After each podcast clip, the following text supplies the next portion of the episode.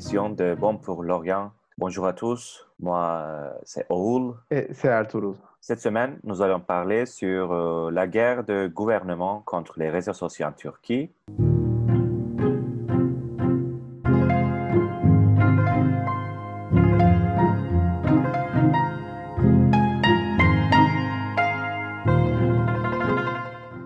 Comme vous le savez, le gouvernement d'AKP et d'Erdogan mène une guerre contre les réseaux sociaux depuis une décennie. Cette longue histoire de stratégie anti-réseaux sociaux se mêle avec sa lutte contre l'opposition. Puisque l'opposition ne peut se trouver une place au sein du grand public, les opposants se regroupent autour de plateformes comme Twitter, Facebook, Instagram et YouTube. Et le gouvernement d'aujourd'hui ne peut pas renforcer son contrôle, son pouvoir omniprésent et avec des nouvelles amendements des lois concernant le contrôle sur les médias, Erdogan puisse arriver ses buts dans sa lutte contre l'opposition. Ertuğrul, est-ce que tu peux nous raconter un peu sur l'histoire de blocage des réseaux sociaux en Turquie sous le gouvernement d'Erdogan? Bah oui, et tout d'abord, il faut dire qu'il n'y a aucune chose nouvelle sous le ciel en Turquie parce que entre 2008 et 2010, YouTube a été arrêté par le euh, gouvernement. Puis en 2017, Wikipédia a été arrêté à cause d'une accusation sur les relations d'AKP avec l'État islamique. Et additionnellement, on a témoigné des ralentissements de réseaux sociaux en Turquie dans les jeux critiques pour, le, pour la politique. Et surtout Twitter, n'est-ce pas? Oui, oui, oui. Parce que Twitter en Turquie est un grand réseau social et qui est devenu une place de discussion, une place de démocratie pour l'opposition, pour les mouvements d'opposition et les individus sous le régime autoritaire. Oui, on compte presque 16 millions d'abonnés sur Twitter en Turquie.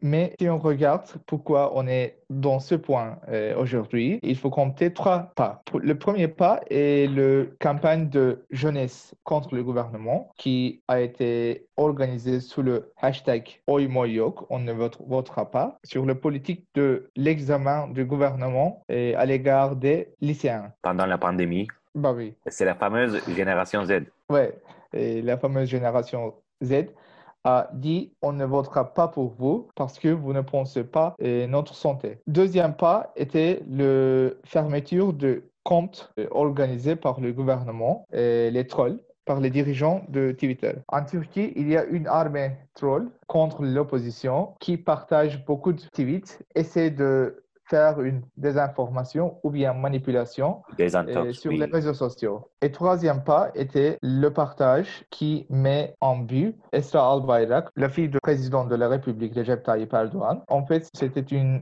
partage sexiste. Le gouvernement, le, les partisans de l'AKP a discuté beaucoup sur ce partage pour éliminer les attaques contre le membre de famille de Recep Tayyip Erdogan. Il faut dire que le partage sexiste contre Esra Al-Bayrak n'était pas un seul exemple, parce qu'il y avait déjà beaucoup d'exemples d'attaques sexistes contre Başak Demirtas, l'épouse de Selahattin Demirtas, un des leaders politiques d'opposition. En même temps, Canan Kaftancıoğlu, l'un des figures politiques de la Turquie, et Nevşin Mengü, par exemple, une journaliste qui a été attaquée par les trolls, par l'armée de trolls, avec des mots, avec des phrases sexistes. Mais on a vu que seulement les attaques contre la famille du président de la République sont importantes pour le gouvernement, mais les autres sont des détails. Et donc, au sein de coalition du gouvernement entre l'AKP et MHP,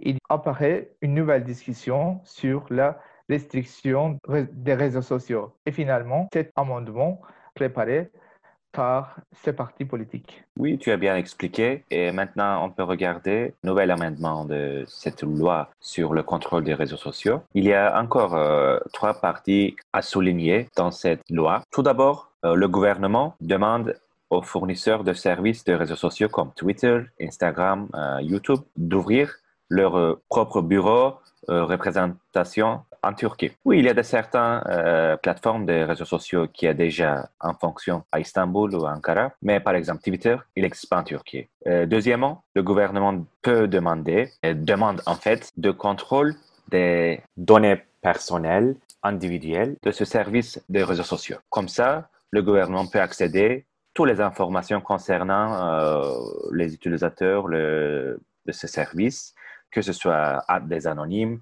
que ce soit des utilisateurs sous le pseudonyme. Et comme ça, le gouvernement peut avoir euh, toutes les données, toutes les informations cruciales. Et ça fait un attentat contre la protection des informations individuelles. Et finalement, il y a une nouvelle notion que AKP et Erdogan ont inventé, c'est le droit à l'oubli. Comme ça, quelques citoyens peuvent demander d'effacement des tweets, d'effacement des informations sur le website qui peuvent être considérés comme un attentat en soi, un attentat au droit. évidemment, cette nouvelle notion peut redresser les buts du gouvernement afin de construire et reconstruire leur propre histoire en effaçant leur passé en collaboration avec la communauté de Gulen ou le PKK ou le, je sais pas, toutes les autres organisations qui ont défini aujourd'hui comme des terroristes.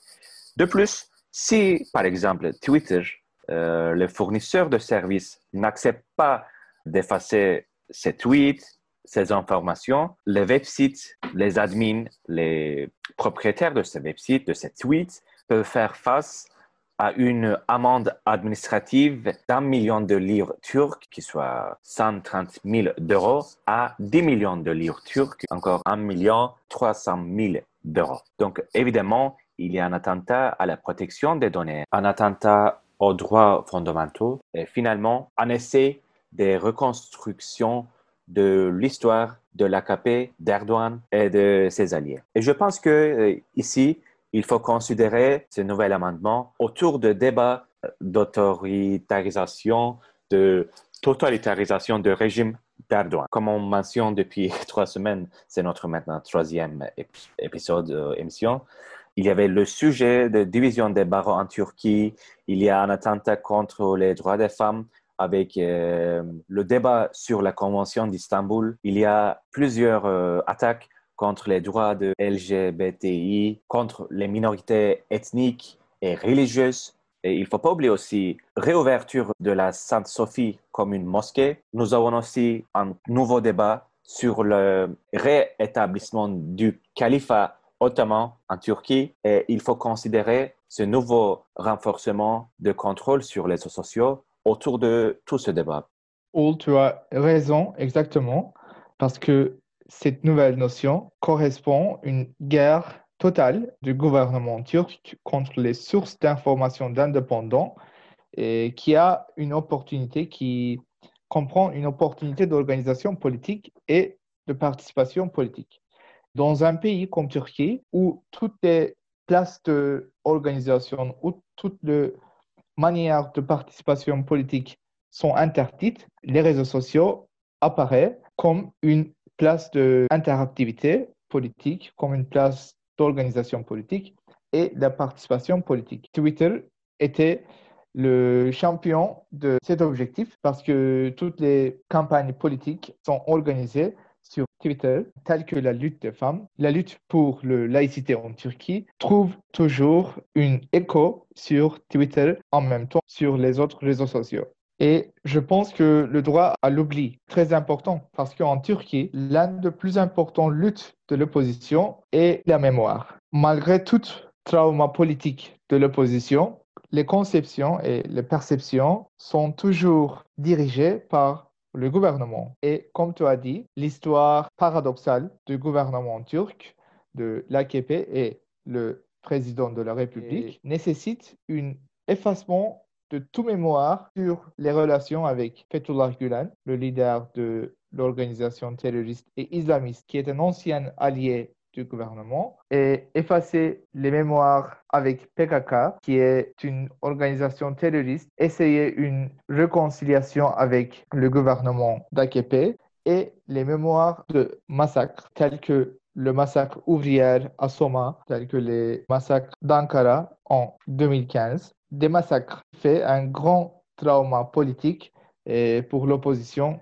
Le gouvernement veut détruire toutes les traces de ces mémoires qui sont encore actives sur les réseaux sociaux. Ce que tu racontes, c'est comme euh, une dystopie orwellienne avec 1984, Ferme des animaux, ou bien la fameuse analyse sur le totalitarisme de Hannah Arendt. Mais c'est bien triste que la Turquie est devenue euh, vraiment un laboratoire politique sur la montée de l'autoritarisme et du totalitarisme. Et voilà euh, ce que nous éprouvons maintenant un grand test politique. Tu as bien expliqué, mais je voudrais aussi ajouter qu'il y a toujours une possibilité des élections anticipées en Turquie qui est bien discutée par des autres acteurs politiques, des commentateurs, des analystes pour le prochain printemps. Et voilà Erdogan qui dirige maintenant toute l'armée, toute la police, le Parlement, les médias conventionnels et finalement la justice ne peut pas contrôler les réseaux sociaux et les médias non conventionnels.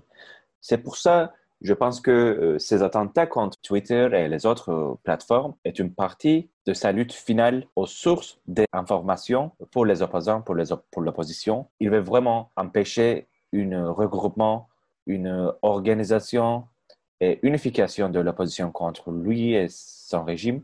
Donc, euh, c'est vraiment maintenant un sujet vital, mais il y a des vides juridiques dans cet amendement. Si Twitter ouvre son bureau à Istanbul ou à Ankara et s'il n'accepte pas de bloquer des comptes, d'effacer des tweets, comment le gouvernement peut bloquer tout l'accès au Twitter ou des autres réseaux sociaux? Il y a vraiment des discussions autour de cette loi qui est animée par des commentateurs juridiques comme Kerem Altıparmak ou la tête des barreaux d'Istanbul et d'Ankara. Nous ne savons pas en fait comment le gouvernement peut empêcher tout l'accès aux réseaux sociaux et comment ils vont commencer à déclencher la punition des abonnés de Twitter et des réseaux sociaux. Donc, je pense que ce débat va se mêler avec les autres attentats aux droits fondamentaux en Turquie. Et nous allons témoigner, je pense encore, des mesures plus strictes, plus controversées que ça. Et finalement, je pense que c'était une déclaration de, de fait sur les réseaux sociaux dans la guerre après le moment de Gezi de 2013 entre le gouvernement et la jeunesse. Si on considère que l'opposition adopte une politique de wait and see, de repos, en face de toute l'agression du gouvernement dans la vie sociale, dans la vie politique, la Turquie a un grand problème pour les droits de l'homme et pour la liberté d'expression aujourd'hui.